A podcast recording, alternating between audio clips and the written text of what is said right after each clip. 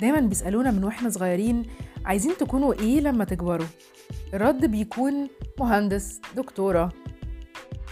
عشان ثقافتنا بتحدنا في مجالات معينة ولما تكون المجالات دي مش مناسبانا ده بيفقدنا ثقتنا في نفسنا وكأننا بنعيش كده حياة حد تاني غيرنا. وده بيربطنا أكتر ونفضل محلك سر. 43% من الموظفين بتقول إن شغلها سبب رئيسي من همها. ده محتاج يتغير. الشغل محتاج يكون مكان to enrich your inner power وتقدروا من خلاله to enrich اللي حواليكوا كمان.